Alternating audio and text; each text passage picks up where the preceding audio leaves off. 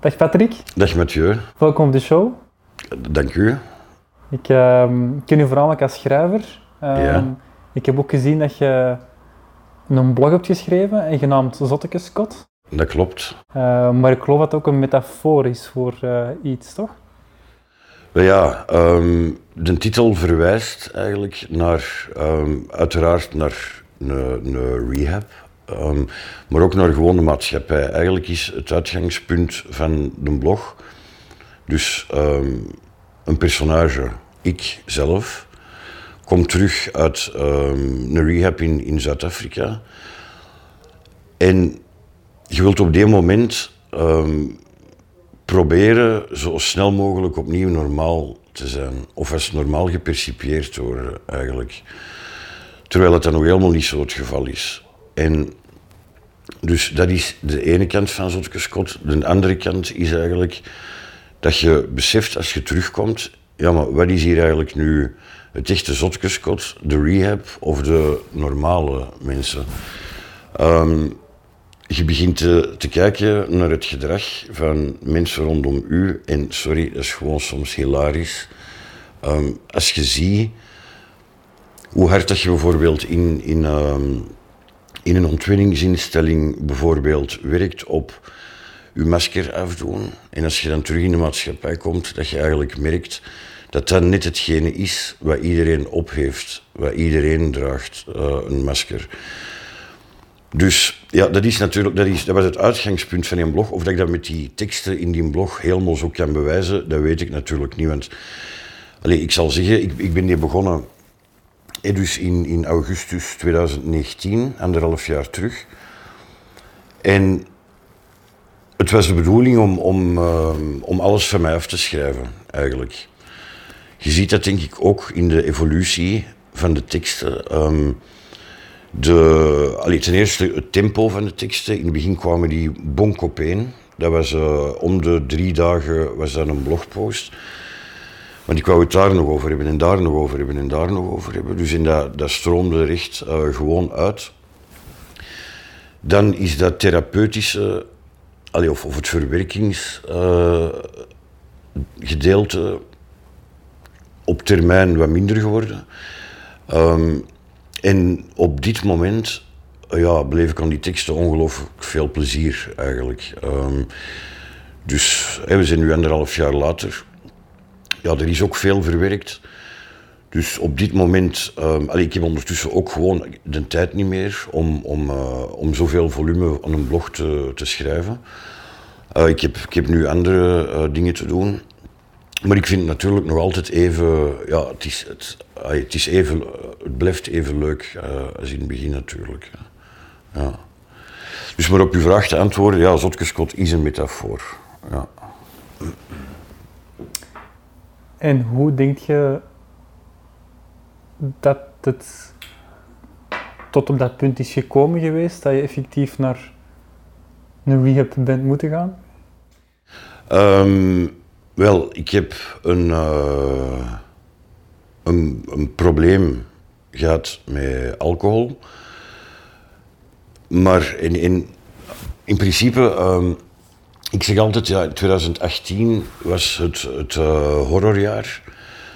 Maar eigenlijk, als ik terugkijk en als ik eerlijk moet zijn, dan, ehm, ja, dan, is, dan is overmatig drinken altijd een, een probleem geweest bij mij. Zeker. Ik, zal, ik zal zeggen, ehm, ik ben altijd een risicogeval geweest. En in 2018 is er iets gebeurd op, op allee, dus met mijn, eh, met mijn lief, met madame. Eh, dus die, die is bij mij weggegaan en dat is eh, bij mij een trigger geweest eigenlijk om gewoon te zeggen van bam, ehm, ik wil nu gewoon ontsnappen en mij van s morgens tot s avonds ja, lam leggen, hè, om, het, om het zo te zeggen. En op een bepaald moment besefte, op een, ja, op een van de zeldzame, heldere momenten, heb ik toen beseft van kijk, eh, dit, dit kan ik niet meer alleen. Hier geraak ik niet meer alleen uit. Dus dan, eh, en op dat punt, dat is ook wel, dat moment is er ook gekomen omdat mijn oudste zoon die was toen 18 jaar. Uh, die heeft mij een brief geschreven, een hele mooie brief, maar ook een hele duidelijke brief. Van papa, um, je zegt het aan het verliezen, ik herken u niet meer. Um, er stond in, Patrick is nog steeds mijn held, maar ik, ik heb geen papa niet meer, ik herken u niet meer. Ik heb die brief nog altijd en dan heb ik besloten eigenlijk van oké, nu ga ik er iets aan doen, want het gaat enkel maar dieper en dieper en waar gaat dit eindigen? Hè?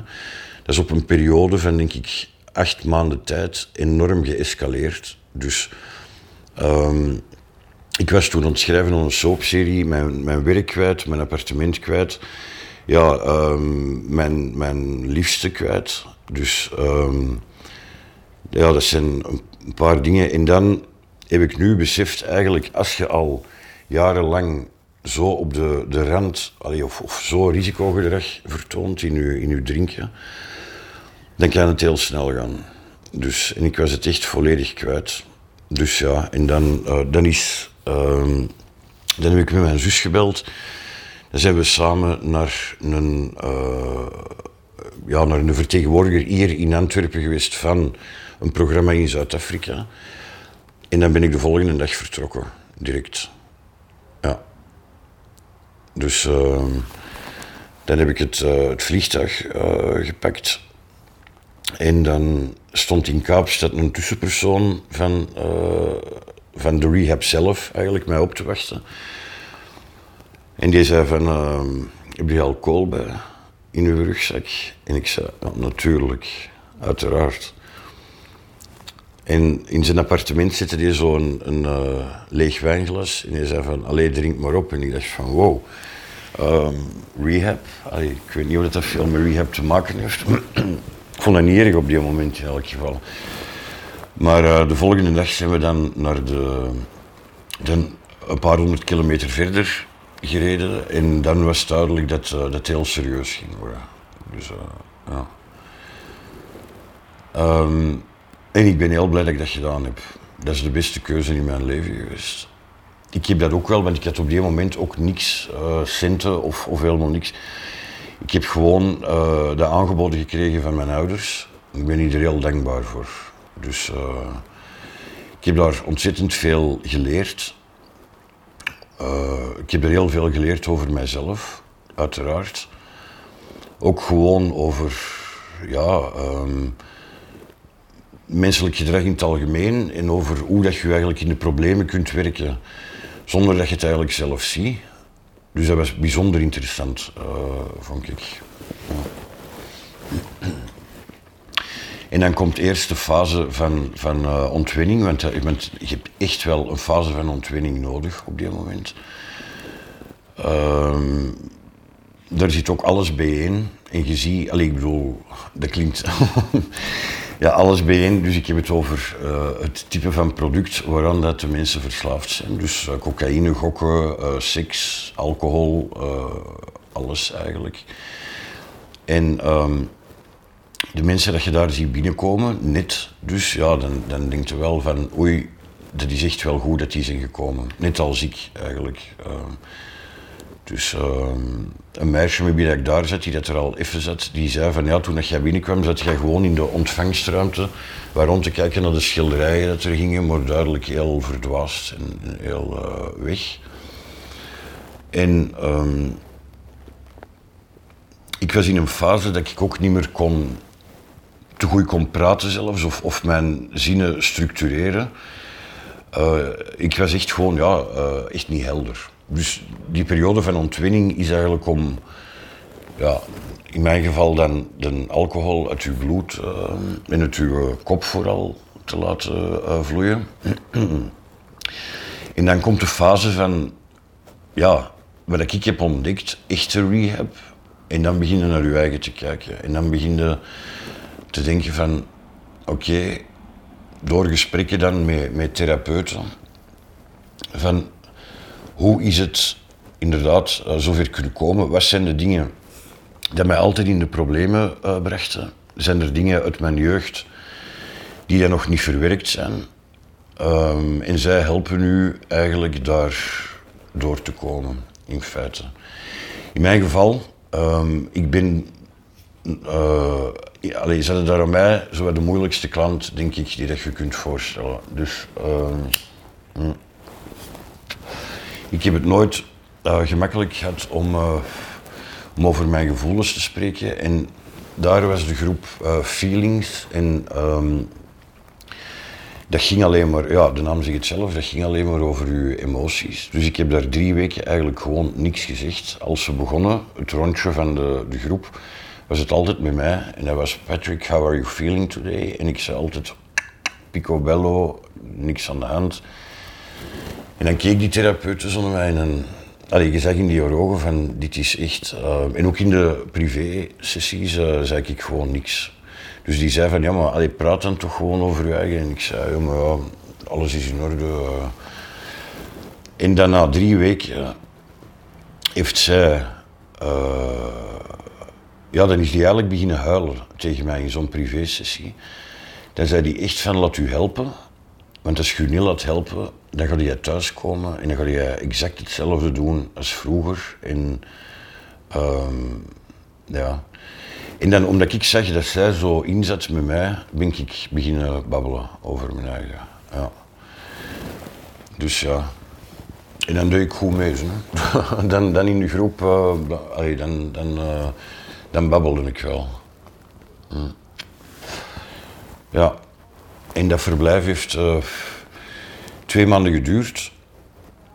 Met dan nog een opvolgingsmaand hier in, in Antwerpen, alleen in Hoboken. Um, ze noemen dat de safe house. Ze hadden eigenlijk naartoe. Allee, je slaapt daar, maar um, je, kunt, allee, je wel overdag een gewoon leven uh, leiden. En dan zijn er ook nog therapeutische sessies daar in groep, eigenlijk. Um, in je safe house heb ik onmiddellijk gezien van hoe belangrijk dat was om, um, ja, hoe zal ik zeggen, uh, clean te zijn met jezelf. Want de mensen dat daar zaten en dat daar niet waren, die waren al, ik kan zeggen dat daar best wel wat circuleerde van producten. Dus um, om de zoveel dagen, alleen om, uh, dat was niet op, op voorhand bekendgemaakt, maar dan, dan moest je in een potje pissen. En ja, dat was bij mij uiteraard altijd negatief, maar er werd heel vaak uh, positief getest op uh, heroïne en op cocaïne. Dus dan zie je dat de mensen daar eigenlijk al opnieuw hun masker zijn aan het voorhouden en al opnieuw ja, aan, het, gebruiken zijn. Dus, ja. dus safehouse was eigenlijk, ik ben daar, ik voelde direct van dit is een, allez, uh, dit zit hier niet goed. Dus ik ben toen, uh, overdag zagen ze mij er eigenlijk bijna niet. Ik ben daar wel gaan slapen, zoals afgesproken. En, uh, en dan, ja, en er zelf weinig geweest. Hè. En, en, dan daarna ben ik. Hm. Daarna heb ik dit appartementje gehuurd. Door een vriendin die dat zei van, ik, ik zei van ja, maar ik heb geen centen, ik heb ook geen uitzicht op werk. En die zei van ja, maar doe het, pak het gewoon en het zal wel, allee, uh, het zal wel komen. Je bent helder, je bent uh, allee, gezond, je kunt... Uh, want, want een paar maanden ervoor kon ik niet functioneren. Hè. Dus, Is het dan voor ook niet het terug over die safe house, is dat voor jou ook niet moeilijk dan, omdat jij dan net misschien een van de heldere personen daar en dat je toch in een omgeving ziet eigenlijk dat andere dingen eigenlijk uh, cultiveren of andere dingen, um, moet ik het zeggen, andere dingen uh, laten... Ja, dat er andere mensen zijn die eigenlijk hervallen, dan is het toch moeilijk om, eigenlijk, om als persoon dan niet mee te gaan in die omgeving dan, denk ik. Nee, dat klopt. Maar als je uh, als je sterk genoeg voelt bij je eigen, dan... Allee, dat, gleed wel ook van mij af. Ik voelde ook wel van, ja... Dat ziet er hier niet gezond uit. Uh, zeker niet. Maar of dat, dat voor mij dan een gevaar was, belangen niet. In de verste verte niet zelfs. Uh, ik voelde me echt tip-top. En... Ehm, Allee, tip-top. nee, nee, nee tip-top is, een, is, een, uh, is echt een fout woord. ik voelde mij sterk omdat ik iets aan het doen was en omdat ik voelde dat er in mij iets aan het veranderen was dat, ehm, dat heel mooie toekomstperspectieven had, ik zal het zo zeggen. Tip-top is een, is, een, uh, is een fout woord. Ja. Want je hebt zelf ook effectief gekozen om dan naar die rehab te gaan. Het is niet dat je werd aangemoedigd, je hebt echt wel... Nee, nee ik heb er zelf voor gekozen. Ja, aangemoedigd in de zin, de, de, brief van mijn zoon is wel een, uh, een, een aanmoediging. Hij zegt... Uh, hij zegt stop alsjeblieft met, uh, met drinken, ik herken u niet meer. Dus, maar ik heb dan wel de stap zelf gezet, ja dat klopt wel. Ja, en dan is het ook naar die rehab geweest. Hè. Je vertelt ook in uw blog dat dat ja. een mooie, begin ook een mooie vergelijking van het diepste punt van Zuid-Afrika in het diepste punt van je leven. Ah, ja, ja, ja. Uh, maar wat kun je er eigenlijk nog over vertellen over rehab? Wat, zijn zo, uh, wat voor ervaring heb je daar nog aan gehad? Wel, als mensen dat in het begin vroegen, als ik terugkwam, dan zei ik, ze geven u de stroomstoot, jongen, en je moet er uh, overleven op zo droog brood iedere dag. Zo'n beetje uh, One Flew Over the Cuckoo's Nest stijl, die film. Maar ehm, in werkelijkheid is dat een heel comfortabele omgeving, in een prachtig gebied, vlak bij de oceaan. Een heel comfortabele kamer, met een terras ik had daar onmiddellijk, uh, alleen vanaf na een paar dagen, was mijn terras zo'n beetje de verzamelplaats van, uh, van waar iedereen een sigaretje kwam roken en zo, zo wat babbelen. En uh, ik heb er ook op, op, uh, op, de, op dag drie het alarm doen af. dat was met een laser en dat is, die komt echt wel vlak voor het terras. En ik was daar uh, ja, een sigaret ontroken en ik was iets aan het uitleggen en mijn, mijn voet schot door die laser en dat was direct uh, heel allee, klein detail. Maar, um, en waarom stond die laser daar juist? Of waarom wel, vanaf, pakt vanaf 9 uur s'avonds, vanaf dat het donker wordt, dan gaat het alarm aan, want het is echt wel ommuurd. Allee, dat is een gesloten instelling. Hè. Dus dat, is een, dat huis is heel comfortabel. Maar dan heb je een, een, poort en voor de rest is dat een hoge muur in feite. Hè. En, en dus er is s'avonds een, een alarm, want er zijn vaak mensen die, die het niet meer kunnen houden, die ontsnappen of willen ontsnappen. Om, uh, in, in Cape Town en in, in, de omgeving daar rond is uh, crystal meth een, een heel groot probleem.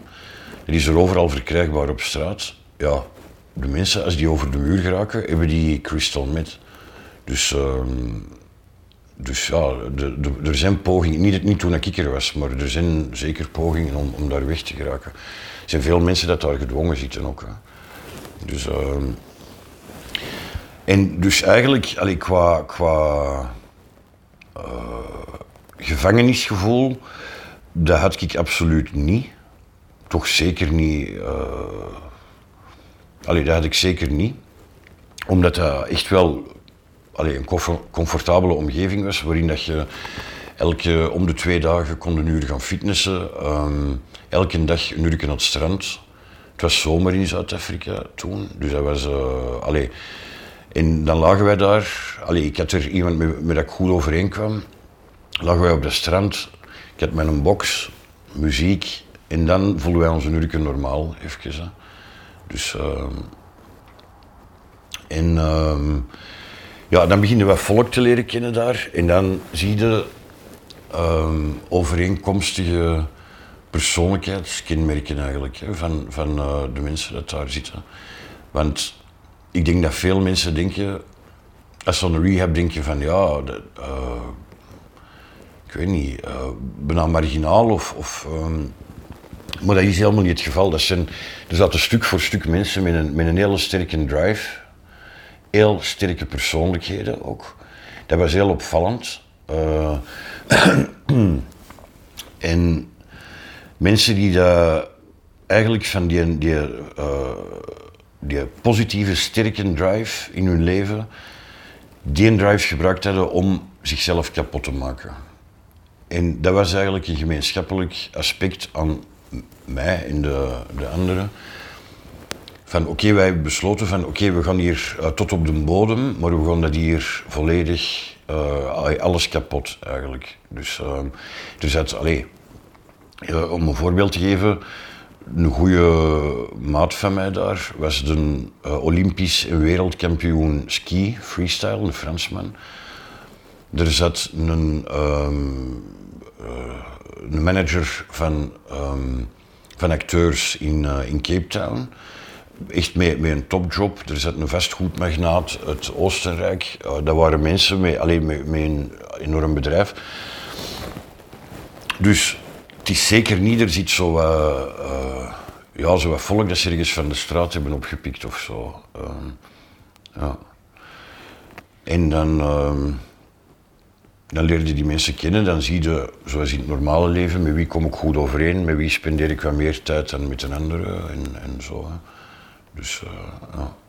Ja, want jij dan enkel last denk ik van, eh, vooral alcohol was een uitdaging. Ja, ja, ja. Maar van waar komt dan die drang eigenlijk om u specifiek in net te, ja, uit te leven, zal ik maar zeggen? Waarom niet? Ja, ik ken... Er zijn heel veel andere dingen waar je ook aan verslaafd kunt geraken eigenlijk. Hè? Ja, dat is waar. Maar ik denk dat, um, ik denk dat alcohol voor mij de meest logische keuze was. Omdat, allee, ten eerste is alcohol legaal.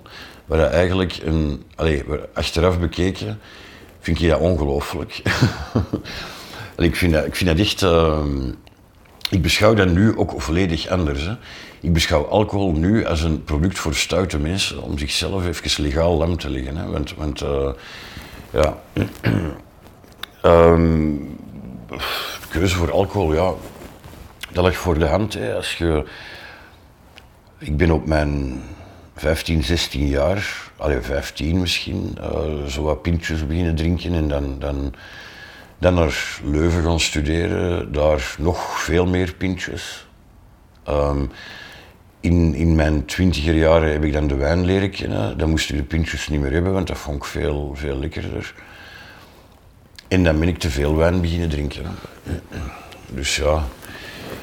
Uh, ik denk dat een. Er zijn, er zijn veel. Uh, ik denk, als ik een moment zou moeten aanwijzen, um, in, waarin ik echt uh, alcoholist eigenlijk geworden ben. Allee, alcoholist, hè, dat zit in je hoofd. Hè. Ik geloof ook dat je ervan af kunt geraken. Ik meen dat echt. Um, maar dat is, uh, ik kan nog goed een moment uh, bedenken dat ik, ik moet toen zo'n twintig jaar geweest zijn en dat was in Leuven. En wij hadden toen met een groep mensen de avond ervoor hadden wij een feestje gebouwd. En um, dan gingen we de volgende dag met diezelfde mensen in het park zitten. En dan heb ik een bak bier gekocht. Omdat ik toen dacht, maar dat weet ik pas nu, hè, omdat ik toen dacht van ja, ik, ik ga leuker zijn als ik iemand anders ben. Dus op dat bier, in dat gezelschap. Um, dus ik pak dat mee. En dat is eigenlijk, dat inzicht, dat was voor mij uh, mind-blowing eigenlijk van Jesus, ik ben eigenlijk al allee, in, misschien niet van volume van drinken, maar uh, in, in de kop ben ik al alcoholist sinds mijn twintig jaar. Dus uh, om, om, om te denken dat je leuker bent uh, op alcohol of. of um, en ik denk ook, um, in mijn geval, er zijn verschillende dingen, hè, maar dat ik altijd heb willen weglopen van iets. Ja, ik, ik denk um, dat ik mij liever lam, lam legde eigenlijk, dan uh, te praten over de, de essentie van het probleem van dat moment, het emotioneel probleem van dat moment eigenlijk. Dus ik sloot mij op ik noemde dat eigenlijk samen met mijn, met mijn uh, lief een dichtritse. Dus die zei, uh, ik weet niet of dat, dat haar woord was of mijn woord, maar uh, jij ritst u dicht, bam, en er komt het u, allez, je kunt niet met u babbelen niet meer. En dan gaat het drinken en daarom is het bij mij zo opgehamerd van Patrick, als, u iets, als je met iets ziet, als je als je, niet goed voelt, als je, allez, babbelt er gewoon over als je er niet over babbelt, dan ga je dat opkroppen en dan, dan, ja, dan is de keuze voor een product natuurlijk logisch. Ja, als er één ding bij mij ook wel zo is, dat je emotie als je ook vastzit in je lichaam. hè. Dus uiteindelijk Ja, het is, is dat ja, geen absoluut. aangenaam gevoel. Want je hebt verteld ook over die, die Helga, dus die persoon die Ja. eh, Ja, eh, ja, met die ene die je hebt toen laten, allee, laten huilen. ja. Die ehm, gaf ook eigenlijk aan dat het heel moeilijk was om je kwetsbaarheid te tonen. Dat is net zoals je nu ook eigenlijk zegt. Maar waarom was eigenlijk toen, misschien nu nog, maar waarom was dat toen zo moeilijk om, om daar openhartig over te zijn? Of, Wel ja, misschien nu nog zeg je, ik denk inderdaad dat allee, ik zal dat blijven in het oog houden. Het is niet dat ik ineens zo ehm, eh, eh, overal eh, tegen Jan en alle man over mijn gevoelens of, of mijn kwetsbaarheid zal tonen. Integendeel.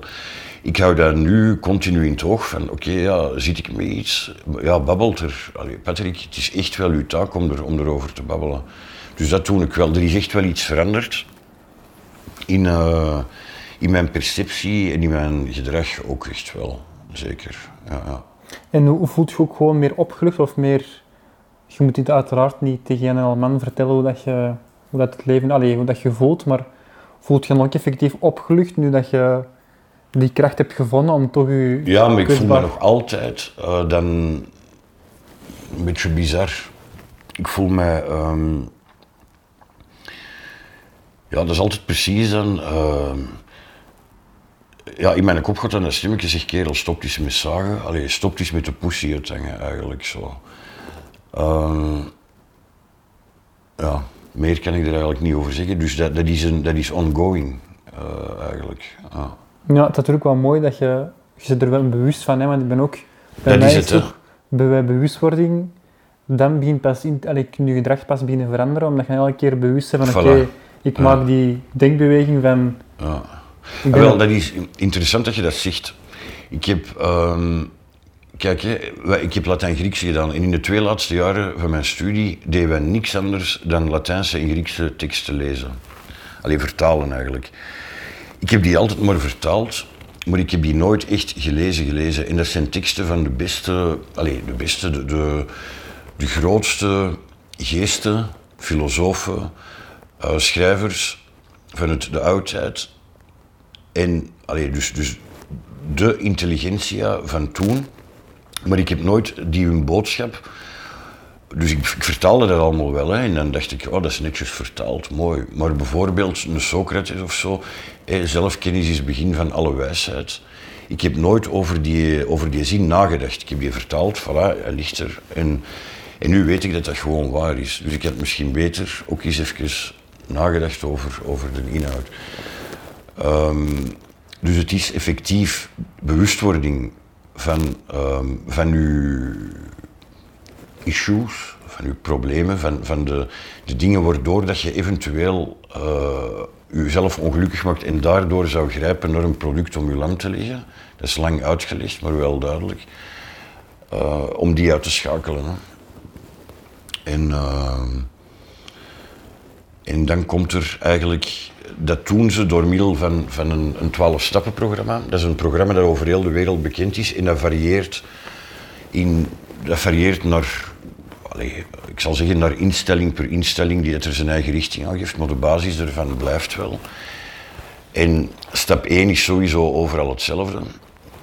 En dat is in feite, eh, ik geef toe dat ik machteloos sta tegenover iets. Ehm, dus iets dat mijn leven heeft overgenomen. En, ehm, en dat is voor heel veel mensen al een, een hele grote stap. Om gewoon dat te durven zeggen van ja, ik sta er nu machteloos tegenover, ik kan, dat heeft mijn leven overgenomen. Dan in die volgende stappen, eens dat je die eerste hebt gedaan, ga je echt kijken. Dat is echt een introspectie, waarin dat je begeleiden, dus in, in, in twaalf stappen. Waar dat die dingen zijn ehm, aan, je, aan je karakter, die dat je eigenlijk zou... Allee, je gaat eerst een opleiding maken van die dingen. En bijvoorbeeld ehm, in stap 4, dat ging over wrok. En eh, ik, heb, ik heb op die, in die paragraaf geschreven, eh, deze paragraaf is niet op mij van toepassing, want ik ben geen wrokkig persoon. Jezus. Ehm, achteraf is dat puntje wrok bij mij een van de grootste paragrafen geworden van heel het spel. Dus ehm, dat bewijst maar hoe slecht dat je jezelf kent. En ehm, ik beweer zeker niet dat ik mij nu eh, helemaal ken of zo. Maar ik beweer wel dat ik nu uh, stilsta bij het feit van, kerel, dit, mm, dit klopt toch niet helemaal. Of, uh, het, is, de bedoeling om eigenlijk, um, dat is nog wel een goeie, want, want uh, ja, je moet daar een higher power, dus dat is in het Engels, een, een, hogere macht uh, kiezen. Omdat hij in heel veel landen heel uh, zeer spiritueel wordt gepercipieerd, dat programma. En zelfs heel ja, godsdienstig, want die hogere macht is voor heel veel mensen God. Um, nu, ik ben totaal niet gelovig. En, um, dus dat was voor mij, allee, ja, dat was eigenlijk gewoon lachen.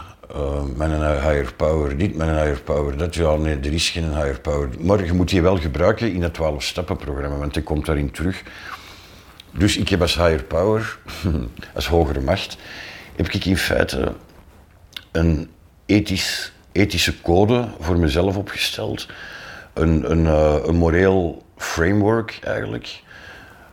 Um, alleen mijn eigen geboden, in feite, volgens de welke dat ik zou willen leven. Um, en mij er ook aan houden, hè, aan die, aan die uh, geboden. En dus zo kon ik toch meewerken op dat programma zonder dat ik zoiets had van. Want de meeste, ik denk dat 90% ja, God koos als higher power. Ja, als niet-gelovigen is dat wel een probleem. Uh, en ja, voilà. Dus zo heb je dat programma kunnen afwerken.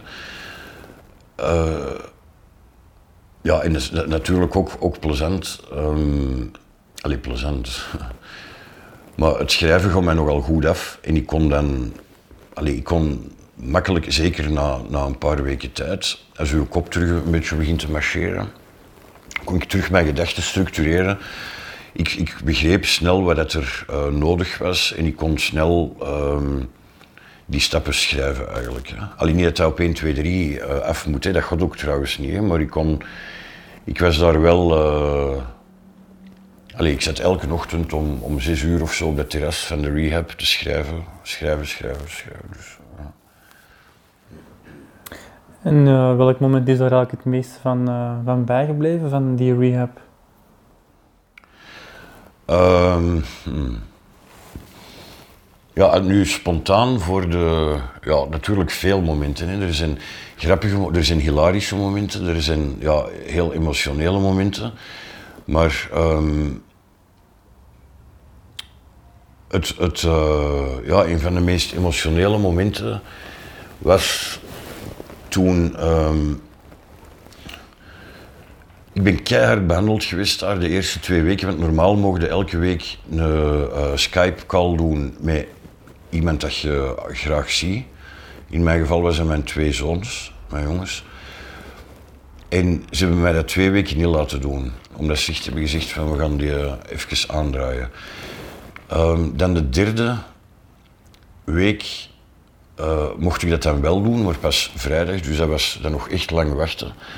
En dan viel die, um, dan zag je de emotie bij mijn zoons in hun ogen, maar die verbinding was heel, heel slecht. Dus ik kon niet zeggen wat ik. Alleen ik hoorde hun niet goed, ik zag hun niet goed, die zagen mij niet, die hoorden mij niet. Ja, dat moment, maar ik zag wel de wanhoop in, in hun ogen. En uh, dat was voor mij.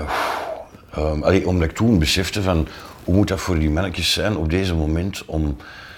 Dus uh, ja, zelfs nu, allee, ja, daar, heb ik, uh, daar had ik het heel, heel moeilijk mee. Dat is ook een moment dat ik heb gedacht van ja, kijk, ik kan het hier te goed afwerken, echt wel. Ja, dus, zeker als die, ja zeg maar. Ja, en, en dan, dan uh, ja, voor, voor, inderdaad voor u getweend moet dat, allee, dat moet afschuwelijk geweest zijn. Hè. Die hebben zich er zo ongelooflijk sterk in gehouden en zo ongelooflijk uh, behulpzaam, steunend, uh, ja, alleen volwassen. ja, die mannen zijn, die, die zijn van goud, hè. die twee. Ah. Het is mooi om te zien, want ik denk ook voor u, je spreekt ook over uw zoons, maar als je drie weken bijna moet wachten op, op, op eh, uw zonen nog eens terug te zien en als dan die verbinding ook nog eens tegenvalt, dan Ja, is ja, dat twee een- keer zo erg, denk ik, omdat je dan ook nog niet effectief kunt overbrengen hoe dat je Ja, inderdaad. voelt of wat je wilt Ja. zeggen. Of, Ja, ja, ja. Ja, dus dat was een van de, ehm, een van de zware eh, momenten. Ehm, ja, waren ook hilarische momenten. Ik heb daar ook, ik heb daar ook plat gelegen van het lachen. Op een bepaald moment in die feeling sessie waar ik het over had, met, eh, die dat Helga noemt in, in mijn blog, die had ehm, als middel om uw emoties te helpen tonen, ehm, zo'n boek, eh, De 40 emoties van Donald Duck. En ik kreeg die, allee, die, die was voor mij, zat die mee voor mij, maar ehm, die, er was zo een naast mij, dat was toevallig ook een Belg uit de Kempen. Zo. En die was, die was dat zo aan het lezen en dan zie je zo een tekeningetje van, van een eend met een donderwolk boven en een eend met een hartje. En een eend die dat er zo bel- Allee, dus, dus ja, zo 40 emoties. En ik zeg het en ik zeg hoe gefocust dat je daar allee, eh, in aan het kijken was naar al die emoties. En ik kreeg er zo hard slappe lach in die kring. En uiteindelijk is iedereen gestopt met praten en iedereen had de slappe lach. Dus we zaten daar met tien. En Helga ook. Die was ook gieren. Ik had die nog nooit zien lachen, zelfs nog nooit zien, zien echt glimlachen. Maar die was aan het. Dus, dus we hebben er minutenlang in een, in een, in een deuk gelegen. En ik, ik kon alleen maar, wat ik alleen maar kon uitbrengen was, it's a duck, it's a fucking duck. Eh, En, ah ja, dus dat was dan hetgeen, ehm, een figuurtje van Disney, een fictiefiguur, die dat mij ging helpen om, om eh, mijn emoties te tonen. Dus ja. Dus er waren heel leuke momenten ook eigenlijk. Is alles in die blog ook de realiteit of hangt er ook Nee, zo'n nee. fictie? eh, Nee, nee, maar dat zeg ik in mijn statement in het begin, maar niet iedereen zal dat waarschijnlijk lezen. Ja. Maar ehm, de blog is bedoeld eigenlijk om. Allee, het is natuurlijk zeker gebaseerd hè, op, op, eh, op de realiteit. En veel dingen, zeker de stukken met mijn zoons, zijn gewoon natuurlijk echt zoals ze zijn. Maar ehm, wat ik probeer te doen, is om zo één waarheid of thema per stukje, dat kan iets kleins zijn of dat kan iets, iets eh, zwaar zijn, ehm, om per stukje één thema eigenlijk te hebben. In functie van dat thema zal ik altijd hier en daar wat bijtimmeren. Of, eh allee, je ziet ook bijvoorbeeld, er zijn ook totaal eh, overdreven stukjes in. Hè. Ehm, een, een, eh, allee, een stukje over grootheidswaanzin bijvoorbeeld. Of, of dat eh, waarin ik zeg dat ik nederigheid aan het tonen ben. Omdat ik ondertussen een toespraak doe op de, op de gay parade. Hè, voor, voor, allee, voor, voor duizenden eh, gays. Ja, nee, dat heb ik niet gedaan. Hè, maar, maar het gaat er maar om om eh, te tonen van ja, ze hebben hem gezegd dat hij nederigheid moet tonen, maar hij heeft het nog altijd niet goed door. Weet je. Dus, dus Ja, want er is ook één passage, of een van de passages in de blog waar je spreekt, spreekt liever over de dag dat ik een lijntje regelde voor God. ja. Is dat dan effectief gebeurd op een, ja, op, op de realiteit, echt uit het leven van oké, ik heb echt wel op een moment zo diep gezeten dat ik op die weg was, of, of, of hoe mag ik dat Dat, stukje, ehm, ja, dat herinner ik mij goed. Dat stukje is eigenlijk bedoeld om, ehm, tja, om te zeggen, de bottom line daar is van, kijk, de wereld ligt hier aan mijn voeten. Ehm, ik heb altijd willen, ik wou echt, ja, dat is, dat is echt, ik wou, ik wou gewoon er niet meer zijn. Ehm, dus ik wou eigenlijk gewoon dood. En in dat stukje probeer ik te tonen van ja oké, als ik dan krijg wat ik wil en ik ga effectief dood. Hè, dus dan heb ik een gesprek met, met God in de hemel en ehm, God zegt ja, God blijkt, zelf een verslaafde bij mij. En ehm, hij toont mij van ja, maar je gaat hier niet de diploma-uitreiking van, van uw jongste zoontje of, of eh, al die dingen. En trouwens, ehm, kerel, had jij ook niet een beetje ambities? Zijn die niet gewoon vergeten, die ambities? En in dat stukje zie ik van, ah ja, Ja, dank u God, want ik ben wel een kerel met, met veel ambities.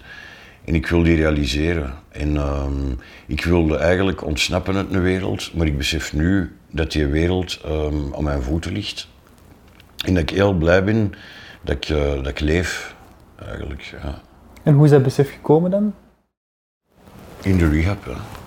In de rehab. Gaandeweg. Um, van ja... Weet je, die, die, die goesting om opnieuw te leven... Uh, dat komt geleidelijk, hè. Na, na, ik moet altijd lachen als mensen zeggen, ja zie, ik heb een week alcohol gedronken. Zeven dagen lang. Ik voel me echt goed. En dan, allee, ik heb dat nog nooit uitgesproken, maar hier nu tegen u, dat, want, want ik wil zeker niet zo met vingerken of zo, maar ik bedoel, als je dat eens drie maanden niet doet, of, of zes maanden, uh, je kunt niet geloven. Ik bedoel, van, van uh, ja, hoe, hoe allee, alcohol is een depressant. En dat zit echt wel een tijd in je lichaam. Dus met zeven dagen kom je er echt niet.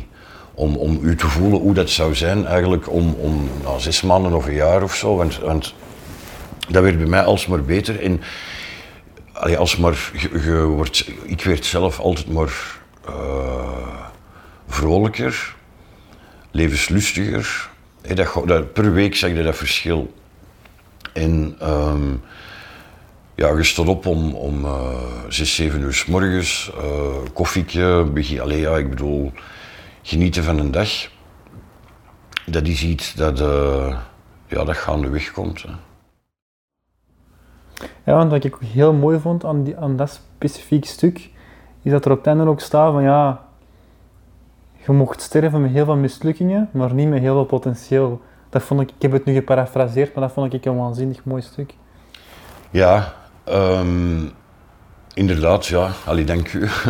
ja, merci dat je dat zegt. Um, ik hoop dat... Uh, Alleen voor mij, ik, ik, moet me er ook constant aan blijven herinneren, aan zinnen zoals die, om um, van kerel, allee, ik bedoel, je hebt ambities. Ik ben ze nu, ik ben ze eigenlijk momenteel aan het waarmaken. Uh, vergooi je leven toch eens niet, man.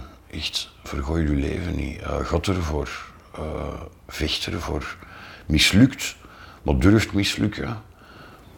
Um, als je valt, hè, um, je mocht vallen, maar, maar valt vooruit. Staat op, valt vooruit. Blijft niet liggen. Dus en, uh, en ik was in die fase hè, van te blijven liggen en, en, uh, game over gedaan. Dus op den duur uh, zat er in mijn kop geen andere uitweg ook niet meer. Hè. Dus je, je, ehm, je, zie, je ziet het echt niet meer. Hè. Dus ja. Ja. Ja, ik vind ook wel dat je echt wel in je um, blogs heel mooi kunt schrijven. Ik vind ook trouwens, wat ik ook heb opgemerkt is... Dank u wel. Nog een ander stuk dat ik graag zou willen aanhalen is um, het feit dat je altijd muziek koppelt aan... Ah ja. Ik Patrick, echt waar, ik vind dat fascinerend. Vooral één stuk vond ik heel, heel mooi. Daar heb ik echt, uh, ik kreeg er echt kiekenval van. Is dat jij, ik denk in je laatste, allerlaatste blog, denk ik, schrijft jij van ja, of uh, wordt het liedje erbij gehaald van Frans Gal. Um, ah ja. Il jouait du, du, uh, du piano, piano. Ja. En uh, vooral het eerste het, refrein, ik heb ook, ik kende de lyrics niet zo goed eigenlijk, van Ne dites pas que ce garçon était fou, il ne vivait pas comme les autres, c'est tout. Ja. Is alles mee gezegd ook, hè? Ja, ja, ja. Is alles zeggend, hè? Ja, ik kies, ik kies die nummers inderdaad in functie van, uh, van, van een blogtekst, uh, uiteraard. En ja, inderdaad, uh, dat klopt. Ik was toen heel trots eigenlijk, toen ik die een blog schreef. En ik dacht, want ik heb in die blog heel veel zelfrelativering gebruikt, uh, altijd. En ik ben eerlijk geweest, ik ben open geweest. Ik heb, daar, ik heb ook gedacht van, ja kijk, als je nu een blog gaat schrijven, um, allez, schrijft je een beetje grappig. Over, maar hoe doe je dat? Over, over met jezelf te relativeren. Ik vind het een beste, de beste vorm van humor. Um, maar toen bij die laatste dacht ik van, hey, ik had iets uh, verwezenlijkt. En ik dacht van, nu modus... Eh, denk maar niet dat die uh, kerel gek is. Hij leeft niet zoals andere mensen, dat is alles. Um, ja, voilà. en, en eh, dat heb ik inderdaad gedaan van nu mogen we even op de borst kloppen en, eh, en zeggen van oké. Ja. Hoe is die passie ontstaan voor dat schrijven? Wel, ehm, ik, ik heb eh, die passie is er. Ik zal zeggen, de passie voor. Is begonnen met passie voor lezen. Want, want ik weet dat ik eh, als kind en als heel klein kind, vanaf dat ik eigenlijk kon lezen, dan eh, was ik vaste klant in de bibliotheek. Dus, en ik kwam altijd naar huis met het maximum aantal boeken ehm, dat, dat, toegelaten waren. En ik las die de ene na de andere. Dus verhalen hebben mij sowieso altijd enorm geïnteresseerd. Ge- Allee, dus, en geëntertained en, en, en gefascineerd. Ehm, en dan heb ik eigenlijk. Dan zag je wel in de lagere school. als, er, allee, als er opstel geschreven moest worden en zo, ik verzorgde dat echt. Ik deed er echt ehm, mijn best voor. En dat bleek je ook wel nogal degelijke opstellen te zijn. Dan. Ehm, met commentaar van de leerkracht, want ons moeder heeft er zo wat van bijgehouden, dus wij hebben die nog. en de commentaar van de leerkracht is meestal wel, ja, dat, allee, dat, is wel eh, in orde.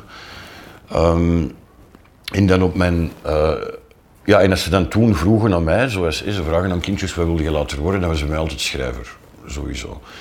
En ehm, dan ben ik op mijn eh, elf jaar, denk ik, begonnen aan een, een echt een boek, Het geheim van de Amazone, waarin dat twee kindjes van 12 jaar een eh, soort van schatkaart vinden ehm, naar een schat dat zich bevindt in de Amazone, in het Amazonegebied. en dan hoe dat zij op avontuur gaan eigenlijk om die, om die schat te vinden. Dus ehm, wat deed ik eigenlijk? Ik, ik schreef elke dag een, eh, eh, elke week een hoofdstuk en op vrijdagmiddag werd dat voorgelezen in de klas. Dus, en ik heb die een boek eh, afgewerkt in het vijfde en het zesde studiejaar eigenlijk. Ehm, dan, eh, dus dat was toen duidelijk wel van, voilà, oké, eh, alleen hoogstaande literatuur zal het niet geweest zijn, maar het was wel duidelijk dat er verhaalontwikkeling in mij zat, denk ik. En, en dan in het eerste middelbaar ben ik dan, ja, je nieuwe vrienden. hè, Je gaat er, alleen nieuw jaar, nieuwe richting. ehm. en dan eh, had ik het idee van, oké, ik ga een, eh, een eigen magazine uitgeven. Dus, eh en die naam weet ik ook nog, het Comiekske. Topnaam, hè. Ehm, dus in het Comiekske, dat, werd dan, dat was eerst bedoeld voor de kinderen van de klas, eigenlijk. Dat waren artikels dat ik zelf schreef.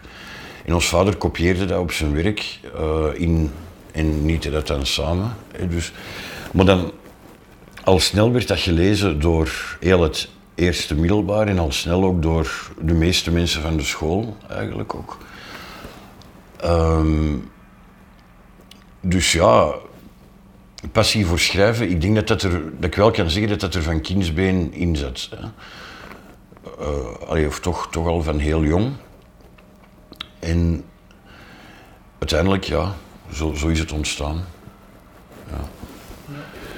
Ehm, ik, ik ben dan in mijn professioneel leven, allee, van thuis uit, hebben ze altijd gezegd van ja, je gaat er, ehm, je moet een echte job zoeken of, of een echte eh, studierichting doen of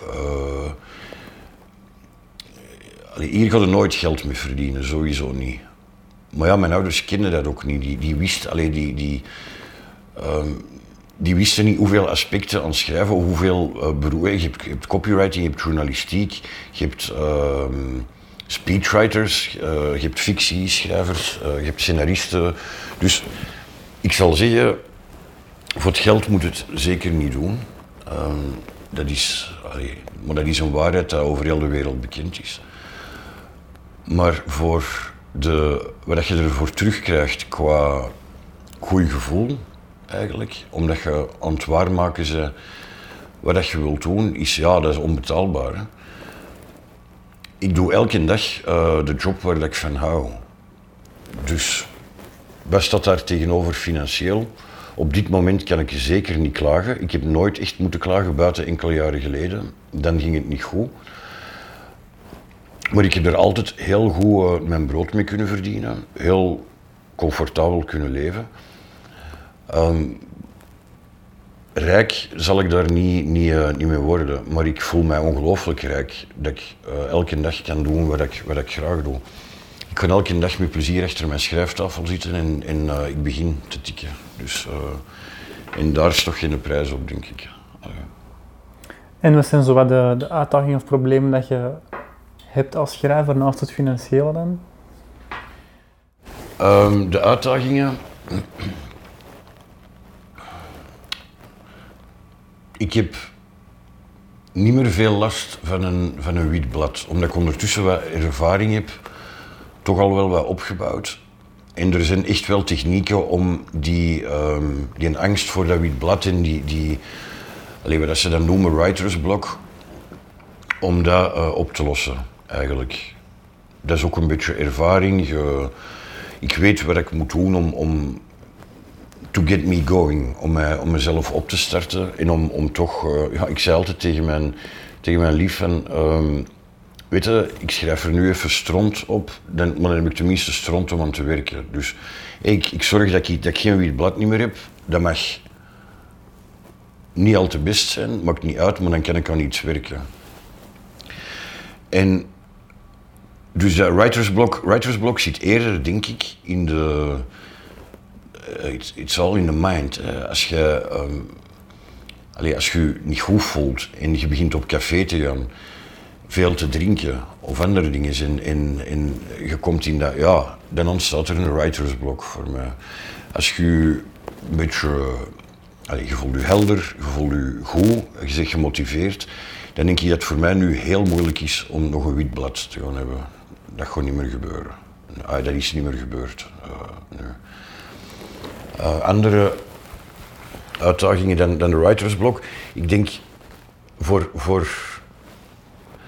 Ik denk een van de grootste uitdagingen, maar, maar dat, dat besefte ik ook, dat, die is ook nog niet zo lang geleden dat ik dat beseft heb, is eigenlijk dat uh, er is een heel romantisch beeld aan, aan schrijven.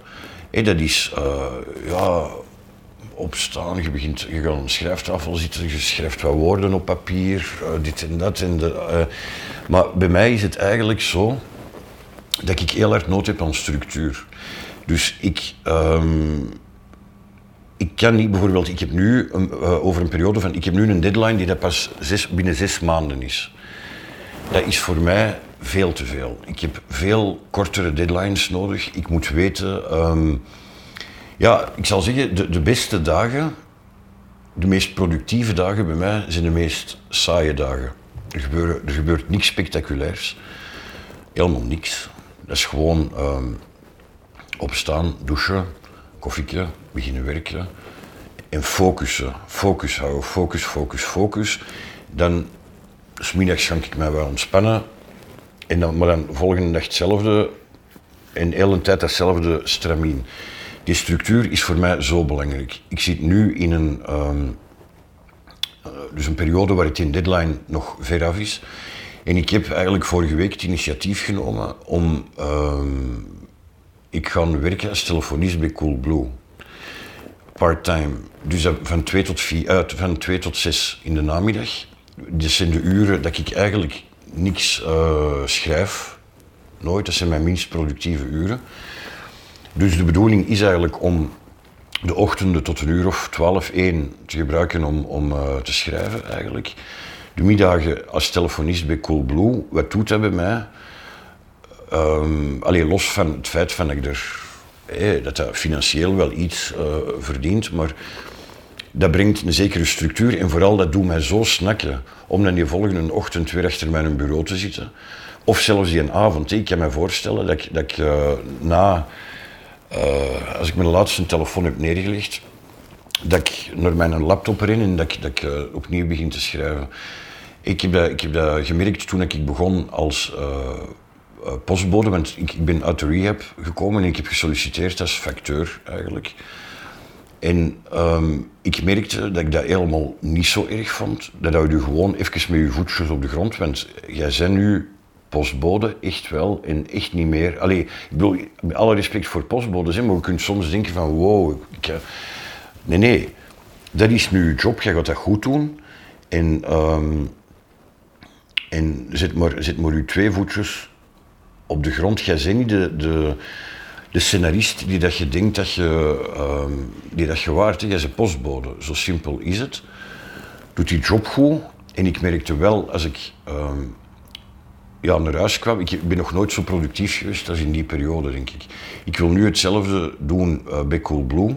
Ik kan die job, ik begin volgende week, ik ga die job uh, heel goed doen, vier uur per dag. En ik kan me voorstellen dat ik dan uh, hunker om achter mijn laptop te kruipen en te beginnen schrijven. Dus uh, we zullen zien, hè. ik zal het u weten te vertellen. nu, je schrijft ook wel wat fictie, je hebt ook onder andere de Rodenburgs ook ja. het scenario voor geschreven. Of, ja, ja, en, um, wat ik trouwens echt een fantastische serie vond. Echt, ik heb er echt een, ja, ik vond dat geweldig om te zien. Um, is, verschilt dat eigenlijk zo, of als je fictie moet schrijven in plaats van... Wel, voor mij is um, fictie schrijven en non-fictie, of, dat verschilt eigenlijk niet zoveel um, voor mij. Het is gewoon natuurlijk uh, narratieve structuren, vertelstructuren, dat moeten leren. En dat moeten in ontwikkeling van personages en, uh, allee, dat moeten allemaal leren. Maar voor de rest is eigenlijk, allee, eigenlijk vraagde wat is, wat is de, de, definitie van schrijven, als ik het goed begrijp. Hè? Want, want hoe, hoe begrijpt want eigenlijk kan iedereen schrijven. Vanaf dat je in het eerste leerjaar maar Roos Vies uh, kunt schrijven, dan kun je schrijven. Zo simpel is het. Nu, wanneer worden allee, wanneer word je schrijver of wanneer kun je jezelf eigenlijk schrijver noemen? Dat is denk ik, als je schrijven is, er zijn zoveel definities van schrijven, hè, maar ik denk een van de meest interessante is een redenering kunnen vasthouden van A tot Z. In één, in één tekst. Dat kan in een roman zijn, maar voor mijn part kan het ook in een speech zijn op een bruiloft. Dat kan in een uh, brief zijn naar uw lief dat kan in een uh, sales talk met uw klant, uh, of een sales e-mail naar, naar uw klant, vanaf dat je redenering kunt vasthouden van A tot Z, met een begin, een midden en een einde, dan kun je schrijven voor mij. Dus ik denk dat voor, voor fictie, en zeker voor fictie, het belangrijkste is, en dat klinkt, dat klinkt uh, contradictorisch met, met fictie, maar fictie is de waarheid vertellen. Fictie is eigenlijk um, de werkelijkheid kunnen zien, hoe dat ze is echt, dan kunnen, kunnen analyseren en dan representeren aan andere mensen in een aantrekkelijke vorm. Dus gezien naar de, de wereld, gezien naar de realiteit, je haalt er een thema uit of zo, waar dat je iets over wilt doen, je analyseert dat thema en je presenteert dat aan mensen in een aantrekkelijke vorm. Dus verhalen zijn altijd, allez, van, vanaf dat een mens kan spreken wellicht en, en, en schrijven, zijn verhalen altijd gebruikt om, um, om iets te, om, om, een inzicht te bieden, om iets te, op een aantrekkelijke manier. En bijvoorbeeld, um, je kunt zeggen, um, ik vind dat zelf een, een, een goed voorbeeld.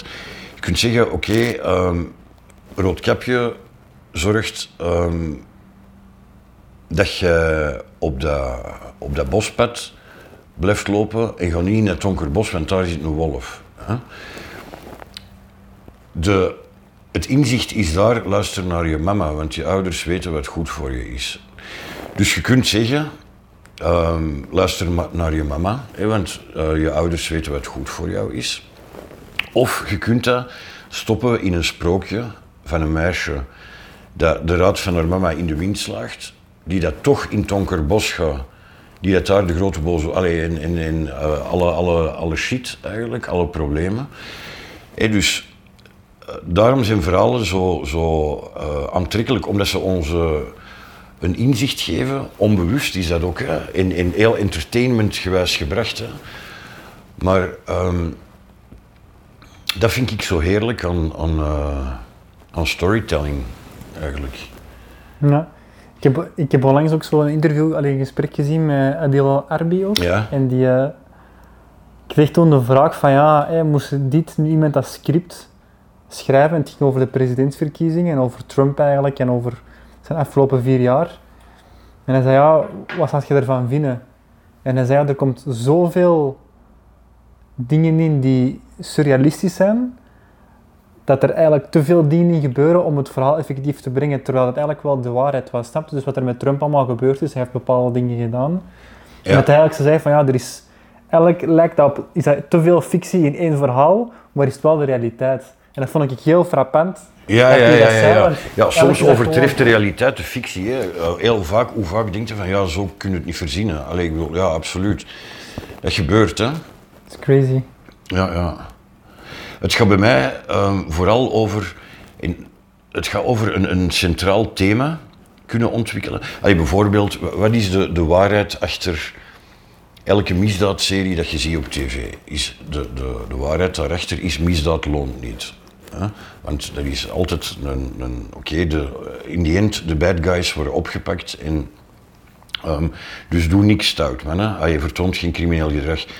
Terwijl mensen natuurlijk aangetrokken zijn door die criminele wereld. En, en uh, in elke romantische komedie bijvoorbeeld is de waarheid, um, liefde overwint alles. Hè? Dus dat zijn natuurlijk de heel uh, stereotype dingen. Hè? Maar ik denk dat daarin de originaliteit ligt van, van de goede uh, projecten of de echt interessante verhalen. Dat je iets kleins kunt vinden, waardoor dat je zoiets hebt van, wel, dat is nu eens een inzicht en ik kan dat vertellen aan de hand van een verhaal. Dus, uh, ja. En dan, dan. Dus dat is voor mij de definitie van goed schrijfwerk. Als ik dat merk, maar ik, besef ook dat dat niet nodig is voor, voor iedereen. Om, allee, iedereen geniet op zijn manier van, van fictie en, en allee, van, van verhalen. Maar in mijn geval ik geniet van verhalen als ik op een originele manier een sterk thema of, of, een, klein sterk inzichtje zien verteld worden aan de hand van een hoofdpersonage waarvan dan een diepe, echt diepe karakteranalyse wordt gemaakt. Een karakterschets van dat personage met zijn angsten, met zijn uh, verlangens. Dat personage transformeert doorheen dat verhaal, verandert en zie uiteindelijk iets in waardoor hij zijn, zijn angsten of, of uh, het, het probleem overwint. En zo eigenlijk het uh, ons als kijker laat inzien van, voilà, dat is nu eigenlijk de stelling die dat ik in deze film wou bewijzen. Of in deze boek, of, of uh, alleen maakt niet uit. Dus ik begrijp dat dat, op dit moment, allee, dat dat heel zo klinkt van wow. Een karakterschets van, van, uh, van een personage um, uh, maakt een reis door, verandert en doet ons een inzicht krijgen dat ons dat uiteindelijk oorspronkelijke thema bewijst. Maar in mijn geval, ik ben daar wel naar op zoek eigenlijk, naar dat soort entertainment. Dat is voor mij, dat, dan, dan ben ik echt aan het genieten. Dan denk ik echt van, dat is een kerel, die, die moet niet... Hey, je, hebt, je hebt er heel veel lagen in. Hè. Een, uh, James Bond, die moet de wereld redden en die moet zorgen dat die bom onschadelijk wordt gemaakt en die auto-achtervolging winnen. En, dus dat zijn zijn problemen. Er zijn nooit interne, allez, inwendige problemen bij James Bond. Dus dat is heel plotgedreven uh, storytelling. Hè. Als je character-based storytelling gaat doen, dan gaat je echt wel die, dat personage goed moeten uitwerken. En dat is niet gemakkelijk. Met zijn angsten, met de dingen dat hij moet overwinnen. Um, personages rondom hem ontwikkelen die dat in functie staan van zijn dramatisch doel. En vooral dan antagonisme creëren tegen zijn dramatisch doel. En dan uiteindelijk, uh, de over, ay, meestal toch, ik hou wel van happy endings. Dus meestal toch de, de overwinning dan. Hè. Ja, dat is voor mij goede storytelling. Ja, je hebt trouwens ook nu recent uh, ben je ook met een filmproject bezig, waar we ja. nog naartoe komen, hè, en ook ja. op het leven. Ja. Ehm, en ik voel ook precies heel sterk wat je nu net vertelt, dat dat ook terug gaat gereflecteerd worden in de film. Zijnde een Absoluut. karakter of een persoon die een transformatie doorgaat Absoluut. en die dan ook een bepaald, allee, een bepaald inzicht meekrijgen op Ja. het einde van de, van de film. Absoluut.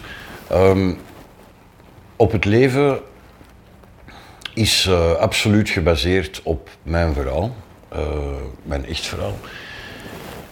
Dus ehm,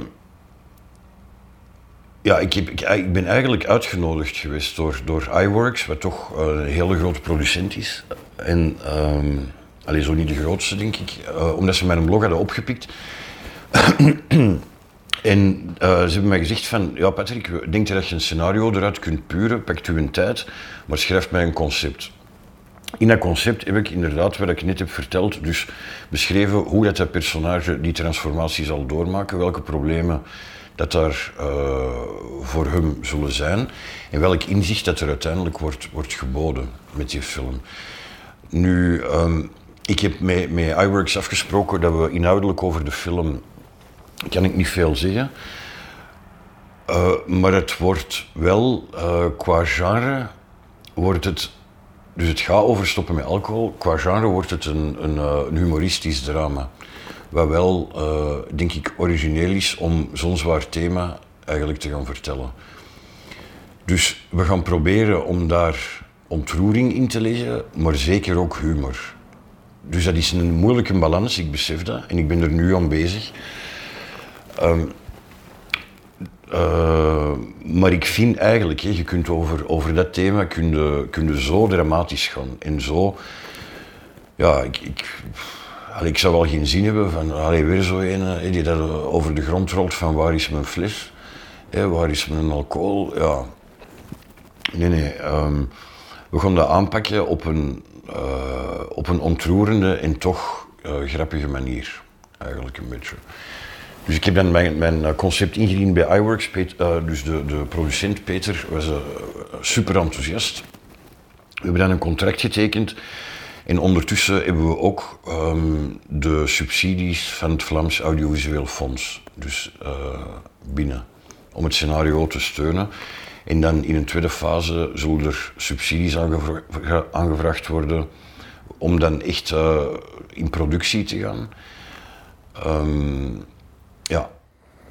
Wat is een tijdlijn dat je hier voor, voor ogen hebt? De tijd... Tijdlijn als in wanneer de film effectief... Uh...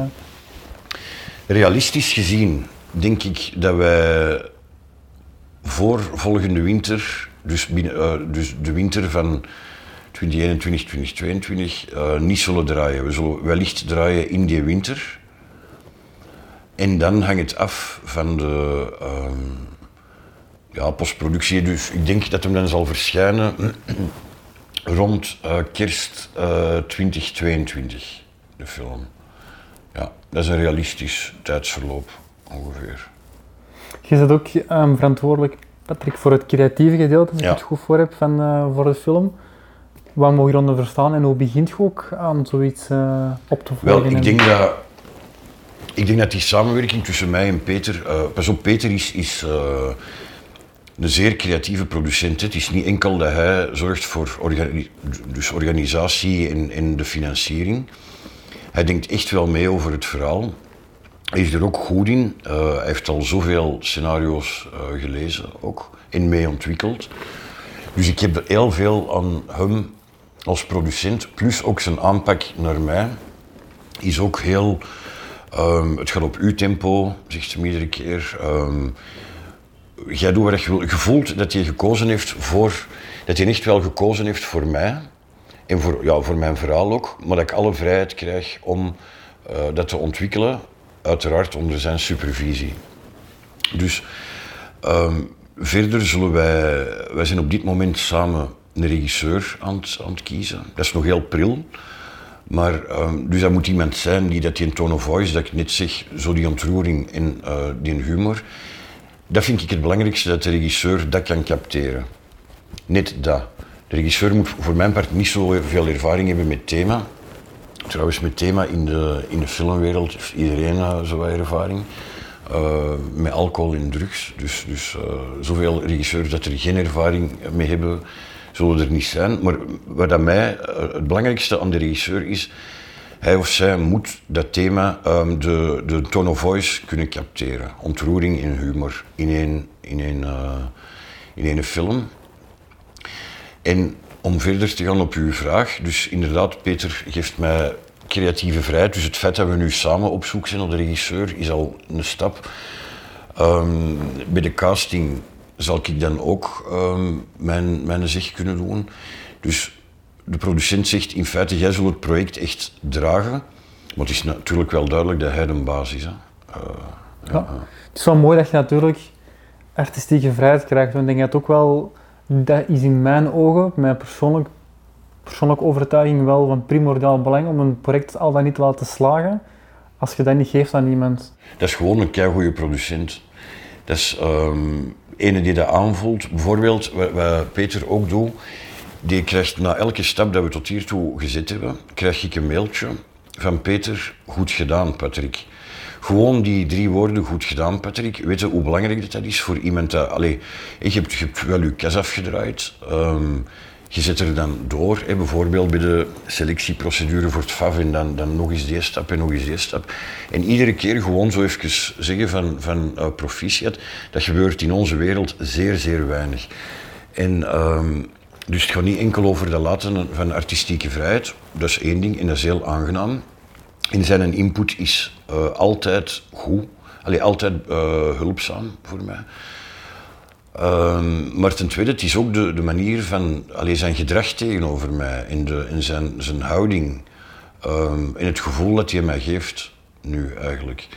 Hey, dus goed gedaan, dus, ja, dat is echt aangenaam. Gewoon, uh, ja de manier van communiceren. Dus ik denk dat het. Dat het uh, uh, Peter heeft alle redenen eigenlijk om, om niet met mij te werken. Ik heb mij de, de laatste jaren uh, als, als scenarist heb ik mij echt misdragen. Allee, en, en, en toch zegt hij van, voilà, ik geef u een tweede kans en dat doet mij, dat doet mij heel goed. Zeer mooi om te zien. Ja, echt wel. Dank je.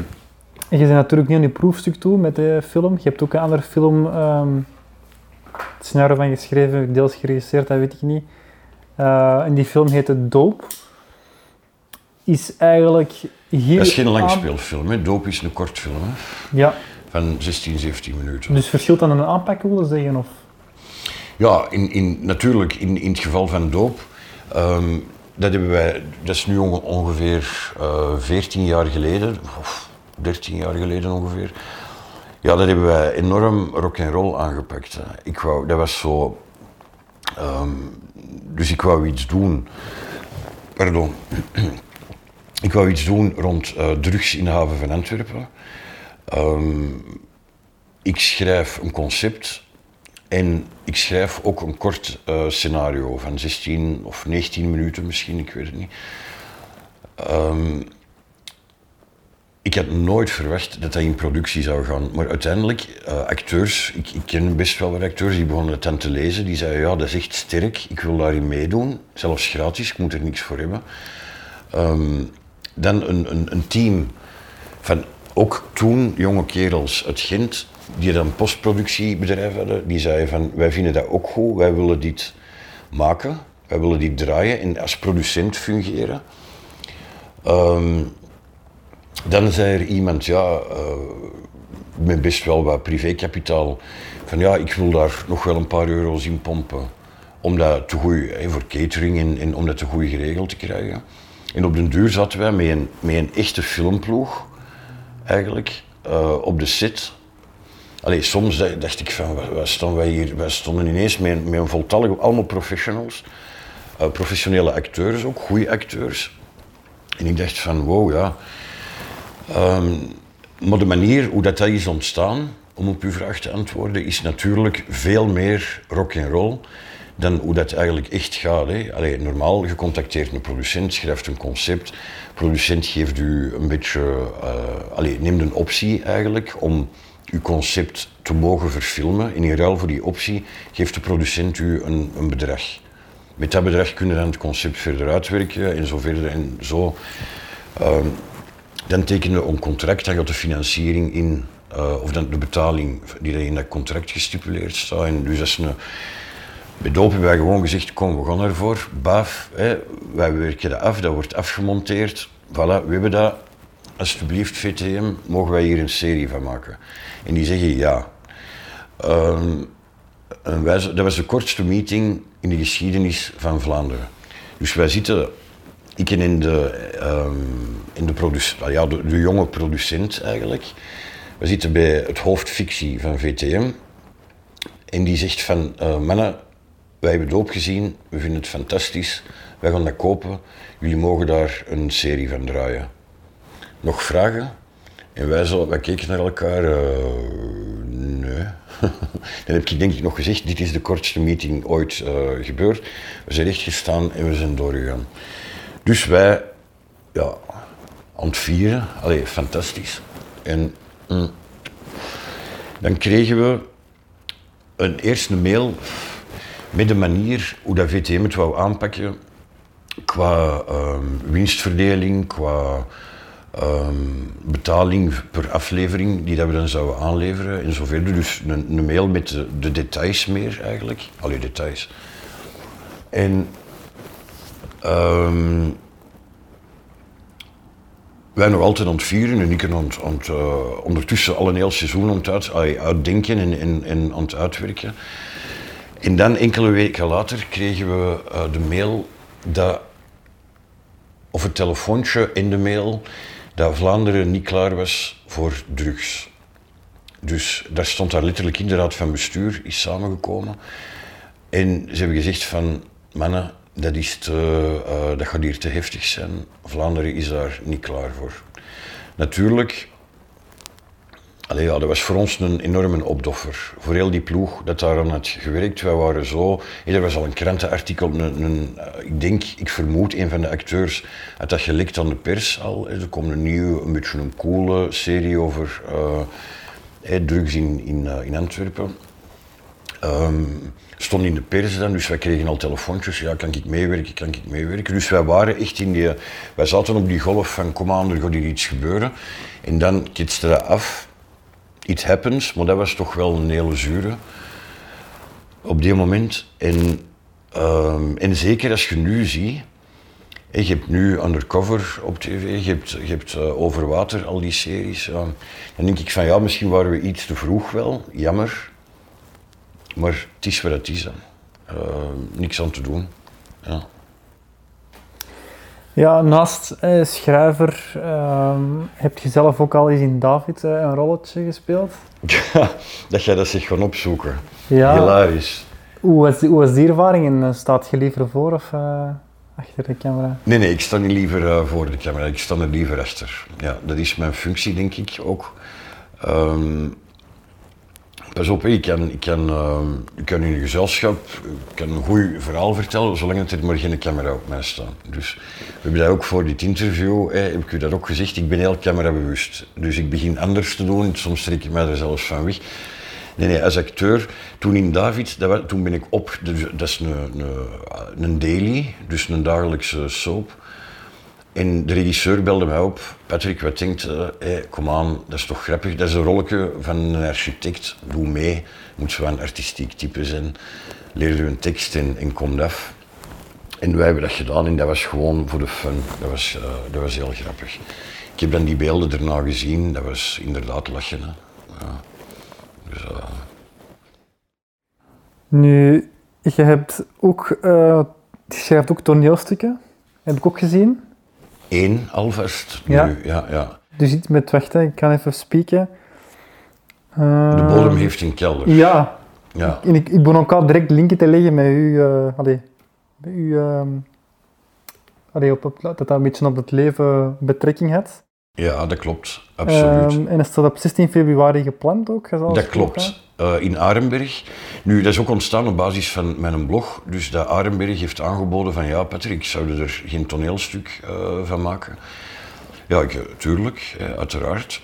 En dan ben ik... Dan dacht ik van oké, okay, ja, ik doe een theatermonoloog.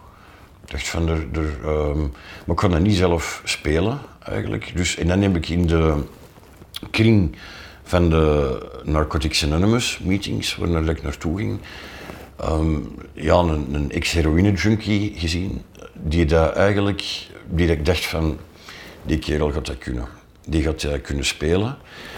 Uh, wij hebben, ik, heb die dan aangesproken, onder, uh, dat aan Philippe Ooms te zijn. Uh, die gaat dat top doen. Die doet dat top. Die kan echt die sfeer, want we pakken die, dat stuk, wordt net als, die, die tone of voice is identiek aan de film. Dus we willen wat humor en we willen um, ontroering. En de, Filip is dan mee beginnen schrijven, blijkt dan echt goed te kunnen schrijven, ook echt goed te kunnen spelen ook, want we zijn aan het repeteren en hij kan dat echt wel overbrengen. Dus um, ja, ik verwacht uh, van de bodem heeft een kelder, ik, verwacht er wel, uh, ik verwacht er wel iets van. Dat gaat in arm, ja, dat is wel, ja. Kunt je daar iets over de inhoud ook al vertellen? Of? Wel, uh, we hebben eigenlijk gekozen, dus de titel is De bodem heeft een kelder, dus we hebben vanaf dat je denkt dat, dat je op de bodem zit, het kan echt nog dieper. Um, en het, het, is vooral het verhaal van Philippe, die dat eigenlijk um, wilt... Allee, het gaat over een heroïne-junkie die wilt clean worden, in feite. Dus het thema is echt wel hard. Hoe dat we het vertelt is niet, uh, is niet hard. En ik denk ook, wat we ook een klein beetje willen doen met dat stuk, zonder met vingertje te wijzen, is eigenlijk de kijker eh, of de toeschouwer een spiegel uh, voorhouden um, over verslaving, in feite. Um, er, gaan, er zitten een paar confronterende momenten in, denk ik, voor iedereen, of, of, herkenbare momenten voor iedereen. Dus niet enkel, uh, zeker niet enkel voor, voor uh, verslaafden, um, maar voor, voor iedereen in de maatschappij.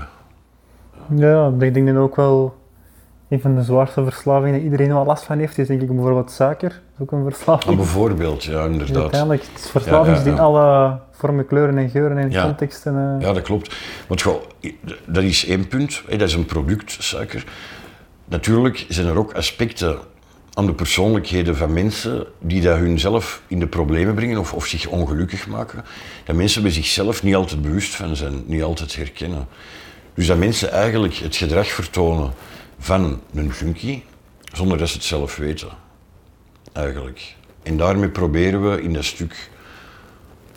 Allee, dat is zeker ook een van de uh, ingrediënten van, van het stuk. Ja. Dat is mooi. Eigenlijk doe je een beetje hetzelfde als mij om ook gewoon inlevingsvermogen te krijgen in iemand zijn andere, een andermans leefwereld eigenlijk. Hè?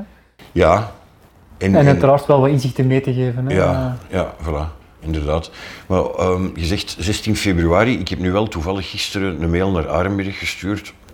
Van kijk, is het niet beter om, want we gaan niet weten nu met corona wanneer dat alles uh, terug open gaat. Dus ten eerste is er kans dat het zelfs al gewoon uh, gecanceld wordt. Want het was gepland eigenlijk voor 29 oktober.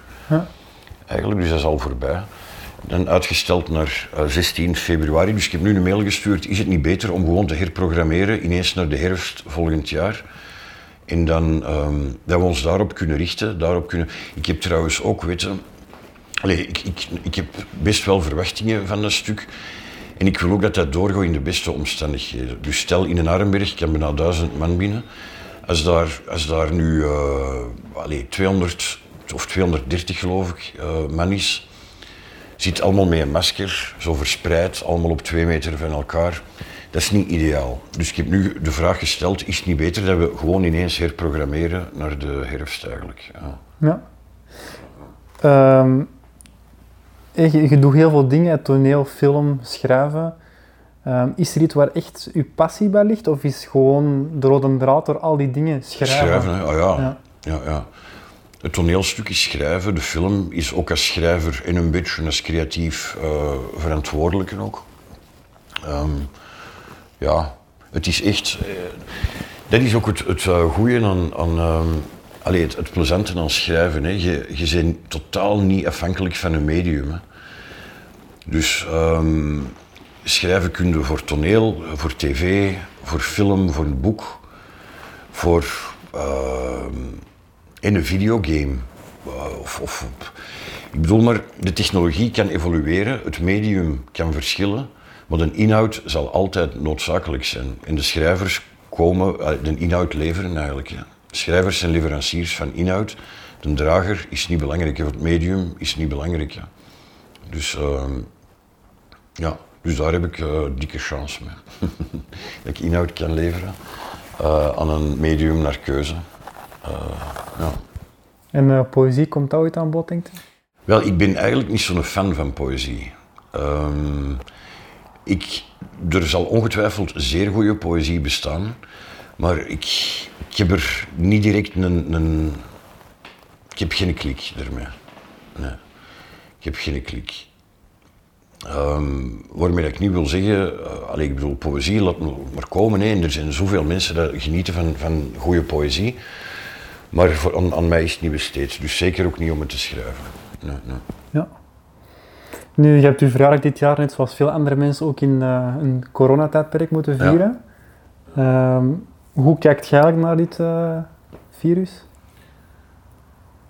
Wel, um, ik, heb, ik heb mij daar nog niet in mijn blog over uitgesproken, want ik heb daar wel een blogtekst over geschreven en die is klaar. Al maandenlang trouwens, maar ik heb mij nog niet uitgesproken omdat het natuurlijk politiek is en omdat ik niet... Ik post de blogtekst op mijn Facebook, hè, zoals dat je weet.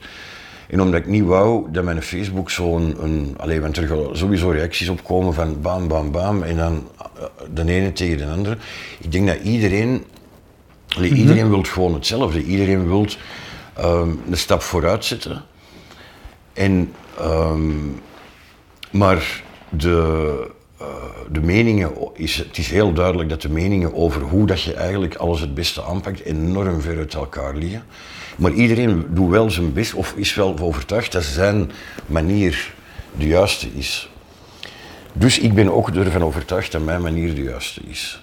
En uh, ik, ik, uh, ik kijk hier naar als een kwestie. En je ziet, van in het begin eigenlijk uh, de tv-studio's vol zitten met virologen en met politici. Ik vind dat de virologen die zijn goed om de cijfers aan te leveren en om de, de problematiek te bespreken. Maar ik vind dat dit, allee, iemand dat daar in de studio moet zitten, is voor mij direct de wachter. Dat zijn psychologen, uh, filosofen, die kunnen eindelijk eens opdraven nu, um, economen. Maar allee, we zien dit gewoon uh, heel de tijd in zijn medische context, maar niet in zijn ruimere maatschappelijke context. En uh, een maatschappelijk debat over de aanpak had eigenlijk vanaf dag één moeten komen. Ze hebben eigenlijk vanaf dag één gezegd van ja, er, uh, de virologen hebben maar een half en half plan en, en hoe gaat de politiek erop, erop reageren. En de, er was een beetje een chaos. Nu, ik heb mij er de eerste maanden uh, ver van weggehouden om, mij, om er iets over te zeggen, omdat ik eerst wou leren uh, hoe is dat virus, allee, wat voor virus is dat, hoe dodelijk is dat, hoe, hoe uh, wat is het gevaar. En nu weten we al veel meer ondertussen. In die blogtekst dat ik nu heb geschreven, de eerste zin daarvan is eigenlijk, wat, wat, niemand weet, is dat ik ooit het kanaal ben overgestoken met een botje uh, van Engeland naar Frankrijk um, in 1943. Dus uh, met allemaal soldaten in botjes rondom mij en we varen naar de kust van Normandië. En um, om een Duits te verslaan, om het Duitse virus uh, te verslaan. En in het midden van, van het kanaal zegt de commandant: Halt, mannen, um, doe nu allemaal Um, een, dat, dat, blok van 20 kilo rond uw been en spring in het water. Het is tijd om jullie offer te brengen. En uh, wij moedige soldaten, wij, wij brengen ons offer, dus wij doen dat, maar tijdens het zinken heb je tijd om na te denken en dan denk je, ja, is dit wel het juiste offer om een Duits te verslaan? Um, ik geloof niet dat wij de juiste offers aan het, aan, het, brengen zijn op dit moment. Ik, ik, ben, ik geloof echt dat de, de impact van, van de offers die dat we nu brengen op psychologisch, uh, sociaal, zelfs gezondheidsvlak, veel, veel, veel groter zijn door ehm, de maatschappij of de wereld eigenlijk op slot te doen ehm, dan, de wereld, dan de wereld open te houden. Dus, dus mijn mening is is het oorlog? Ja. Moeten er offers gebracht worden? Ja. Maar in mijn geval is er maar één ding. Allee, elke oorlog heeft ehm, één ding als doel en dat is herwinnen van uw vrijheid, herwinnen van uw manier van leven. Nu, dat is exact hetgeen wat wij opgeven, a priori nu. Dus mijn opvatting is, wil ik vrij zijn? Ja. Ik wil onze manier van leven. Ik wil geen avondklok, ik wil niet, ik wil niet iemand kunnen vastpakken. Ik wil, allez, ik wil leven op de manier waarvoor wij zo lang gevochten hebben. Dus vrij leven. Um, vergt dat offers? Ja, zeker weten. Want vrijheid kost levens. Dus op dit moment zijn wij in plaats van onze vrijheid te beschermen, zijn wij, onze, zijn wij een, een, paar, een aantal levens aan het beschermen. Die dat, ik vind het heel, heel gevaarlijk. Om, want kunnen we de klok op den duur nog terugdraaien naar hoe dat we gewend waren om te leven? We zijn nu zoveel, want de politiek is nu ja, zoveel efforts om doen eigenlijk om uh, iets meer controle te krijgen op een burger en iets meer in de cafés dicht en dan sluitingsuur daar en, um, uw, naam geven, uh, contact tracing. En, maar dat is allemaal niet normaal. Hè? Ik bedoel, dat is eigenlijk, gaan wij nog weten na, na de lockdowns hoe dat was ervoor? Uiteraard wel, maar gaat de politiek ook sommige maatregelen niet willen bestendigen eigenlijk. Hè? Allee, een autoritair systeem, uh, dank u, hè, dat gaan betogen in, in, in Brussel. Dat, is, dat, komt er voor mij niet in. Dus, maar wat zijn dan die offers? Ja, iedereen praat altijd over onze helden van de zorg. Wel, dat zijn ook echt helden. Maar het is de politiek zijn taak om dan niet te zeggen, ja, we maar 2000 bidden. Ja, zorgt gewoon Als je de economie kunt platleggen, als je, mijn zoon is 19, die, die zijn eerste jaar om de UNIF, die zit er helemaal alleen op dat kamertje achter zo'n computer, zonder sociaal contact. Die mannen zitten er compleet door, heel deze zijn jaar. Als je dat allemaal kunt doen, dan kun je ook zorgen dat er in plaats van 2000 bedden 4000 zijn. Make it happen en genoeg personeel zorgt ervoor. Denk dat bedrijven trouwens graag zouden mee financieren om, om, om ons zorgpersoneel draaiende te houden. Maar in elke oorlog zijn de verpleegsters, uh, alleen, ja, moeten, staan die onder druk, hè, natuurlijk, uh, effectief. Dus, uh, dus ja, ik denk, mijn mening is, heel duidelijk. Ehm, eh, dat is het strand van Normandië. En dat is niet van we blijven hier allemaal zitten op de, totdat een Duits weggaat. En dat is uh, ten aanval en loopt er allemaal samen op. En dan gaan er slachtoffers vallen, en onschuldige slachtoffers. En dat gaat uh, vreselijk zijn, want elke, elk mensenleven verliezen is, uh, is vreselijk. Maar dan hebben we wel voilà, ons vrijheid terug. En dan is het gedaan. Dus ja, dat is mijn mening erover.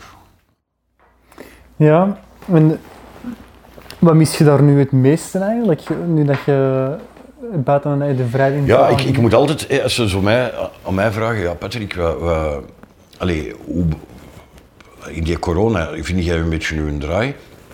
Eigenlijk overdag voor mij verandert er niet zoveel. Ik, ik, uh, ik schrijf, dus ik werk, uiteindelijk heb ik er redelijke chance mee. Ik heb ook chance dat ik in de zomer ben kunnen blijven doorwerken. Dat ik nu ik kan werken aan die film, dus dat er eigenlijk ook geen financiële uh, problemen zijn. Dus eigenlijk is er voor mij niet zo'n probleem. Verder heb ik ook um, nu ondertussen twee roadtrips gemaakt. Uh, lange roadtrips. Um, door Frankrijk en Spanje. Dus, dus eigenlijk mijn, mijn manier van leven valt, valt eigenlijk best nog wel mee. Het enige, natuurlijk, dat bevreemdend sfeertje. De angst uh, die dat leeft bij de mensen, want een angst zit er heel dik in. Dan de polemiek tussen mensen van ik heb het bij het juiste eind. Nee, ik heb het bij het juiste eind. Um, dat is allemaal die negatieve spiraal uh, waarin dat we eigenlijk aan het belanden zijn, allee, al, al heel dik in zitten. Dat beangstigt mij nu. Allee, dat stoort mij nu op deze moment het meeste. Uh, er ligt ook een, een um, ik denk ook een, een ik zie nu hoe machtig dat de media ook zijn met de verkiezingen in Amerika. Er ligt ook een verantwoordelijkheid, denk ik, bij de media om, ja, um, om nu ook boodschappen van hoop te brengen. Of, of toch toetsen aan. Allee, het is, ik, ik vind de media trekken, trekken op dit moment veel te veel naar de virologen en veel te weinig naar de kant van de, de andersdenkenden of de mensen die dat denken dat niet het, het strikt puur virologisch oogpunt moet benaderd worden. Die andere kant die komt niet genoeg aan bod, vind ik, in de media.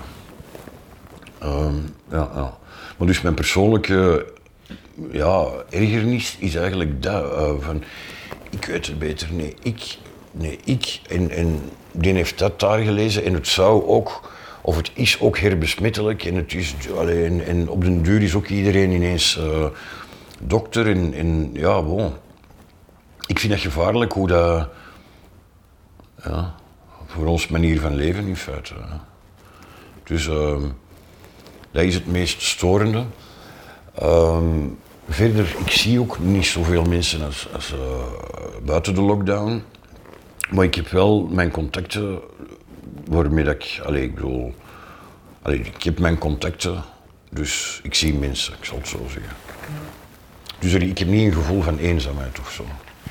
Ja. Dus je voelt je nog wel goed in je vel eigenlijk? Ja, goed is een, is een uh, allez, ik voel mij uh, soms een beetje. Um, ja, weet je, als ik gewoon, als ik, als ik naar buiten, als ik buiten rondloop of zo en ik zie dat in, in mensen fietsen met masker en mensen die daar afstand nemen van elkaar en zo, ja, dat is gewoon angstaanjagend. Hè. Dus, dus dat, is, dat is een beklemmend gevoel eigenlijk. Hè.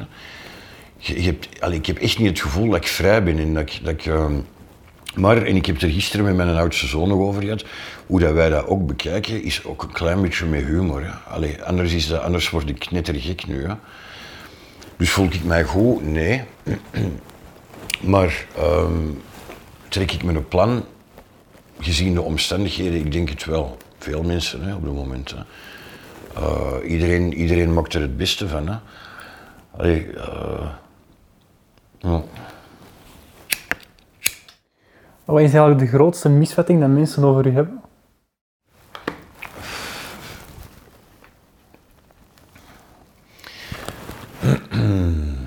De grootste misvatting dat mensen hebben over mij. Um, ik denk, ja. ik heb een heel dik schild, zoals ik zei. En dat schild heeft mij al heel vaak in de, in de shit gebracht. Dus dat is een, een emotioneel harnas dat ik dichter iets in. Uh, nu, eens dat je um, in mijn. Allee, mensen botsen daarop, dus ik maak. Ik, allee, ik bedoel, ik hou heel vaak uh, mensen af. Nu, eens dat je in mijn. Uh, allee, in mijn emotionele bubbel zit, dan denk ik dat dat ik echt um, ja, een, een hele warme persoon ben, eigenlijk. En, um, en dat ik heel veel doe voor de mensen dat ik graag zie ook. En, en heel veel teruggeef eigenlijk uh, aan die mensen. En ik denk niet dat die perceptie uh, over mij uh, bestaat. Ik denk mensen eerder denken van ja, allee, ja um, arrogante klootzak, jongen, jij... Um, ja, dat, dat, mensen... Dat klinkt... Ik probeer me zo wat te verdedigen precies, maar ik denk, ik denk dat dat wel... Allee, als je de mensen zou kennen die dat ik echt graag zie of graag gezien heb, dat die gaan zeggen van ja, de warmte en de vrolijkheid en de positiviteit dat in die man zit, um, die is hoog. En ik denk niet dat, dus ik denk dat dat een misvatting is over, of, of allee, dat, dat mensen dat niet zien uh, aan mij. Ja. En dan die, die, die perceptie dat ze dan hebben van die arrogante klootzak, is het, kunt je daar ook, begrijpt jij die mensen ook? Is dat ook komt dat ook een beetje deel van, uit, van het verleden dan ah, ja, tuurlijk. Ja. ja, ja, ja. ik denk, um, ik begrijp dat absoluut. Um, omdat ze eigenlijk ook in Afrika ook letterlijk tegen mij zeiden: Patrick, arrogante klootzak. Allee, ik bedoel. Um, ja. De, een, een, een, van het team daar, die zei van. Who do you think you are? En ik begon mijzelf voor te stellen en zo. En internet, ik ben. Uh, no, no, no. zei hij. You're Belgium's biggest asshole. ik denk, ah ja. Man, het is leuk binnenkomen. Ja, ja. Maar die doet dat natuurlijk bij iedereen uit elk land dat daar binnenkomt. Hè. Eh, zegt je dezelfde zin. Omdat je eigenlijk door je egoïstisch gedrag dat je hebt vertoond, eh, ja, schade toebrengt aan, aan mensen. Hè. Dus je bent ook een egoïstische uh, klootzak eigenlijk. Tuurlijk, absoluut. Hm. Nu, er gaat een moment komen dat we alle twee ooit te gaan overlijden komen. Ja. Ehm, als, wat voor persoon had je dan graag... Bij mij was het al bekend zover, hè. twee Ja. jaar geleden. hè. Ik was er niet ver van. Als wat voor persoon had jij dan Patrick herinnerd willen worden? Als mensen aan. Patrick Kruid zouden moeten denken, aan wat zouden ze volgens u dan moeten overhouden aan de persoon Patrick Kruid? Aan de persoon, dus niet aan eh, het werk dat, dat ik uitvoer. Jawel, je mag, het- je mag het breed, je mag het breed trekken, je mag dus... eh, Ehm,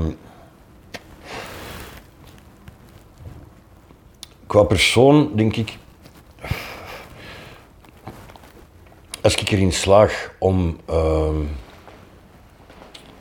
de mensen rondom mij, de mensen dat ik graag zie, eh, gelukkig te maken. In het geval van, van mijn zoons, eh, zich te laten ontplooien in uitgroei, waar ik heel hard eh, aan het werken ben trouwens, tot de papa dat ik eigenlijk had moeten zijn een paar jaar geleden. Ehm, op dat moment denk ik dat mijn, allee, een, een heel groot stuk van mijn leven geslaagd gaat zijn. Ehm, het welzijn van, van de mensen die mij graag zien, en zeker van mijn zoons natuurlijk, staat echt op dit moment, ehm alleen natuurlijk, je moet voor je zorgen, maar dat staat boven mijn eigen welzijn. Ik zie echt, allee, ja, ehm, eh, eh, slagen als, als eh, papa is mijn eerste ambitie nu. Ehm, dus als ze mij herinneren, dat was een goede vader, ja, dan denk ik al, eh, dat is, eh, ja, dan ben ik geslaagd. Ehm, en dan op werkgebied, allee, dus op gebied van mijn ambities, is het echt wel de bedoeling om nu in de eerste plaats ehm, de film eh, tot een goed einde te brengen. En, en dan gewoon hopen dat mensen daar echt van gaan kunnen genieten. En eh, dat mensen, ik krijg op de blog, en dat vind ik heel, heel aangenaam, ik krijg er heel warme reacties op. Berichten van mensen die dat zeggen, ik heb zo genoten van, van, uw teksten, of ik heb moeten lachen, of ehm, ja, dat is echt plezant. Dus, ehm, dus ik zie wel, ik begin te zien, dankzij de blog, dat ik met, met het werk dat ik doe mensen kan inspireren, eh, laten lachen, soms met, met onnozel, onnozeliteiten, eh, een beetje ontroeren ook. Ehm, dus ik zie dat dat in mij zit, ik wil dat ontplooien en ik wil dat hopelijk na deze film nog op, niet enkel in film, maar op, ehm, met een boek, misschien opnieuw toneel, ehm, misschien ja, nog een film, een tv-serie, ik weet het niet. Maar ja, ik wil dat blijven doen. En zo laat ik op die manier iets achter. Hè. Iets, eh, iets dat je later kunt oppakken, een dvd'tje. Is van de Patrick. dus ja. Top. ja, Ik wil je bedanken, Patrick, voor eh, een toffe babbel. heel graag gedaan. Ik vond het heel aangenaam. Ik vond het een eer dat ik eh, werd gevraagd voor uw programma. Dus, eh, Honor is all mine. Oké, Top. Dankjewel. graag gedaan.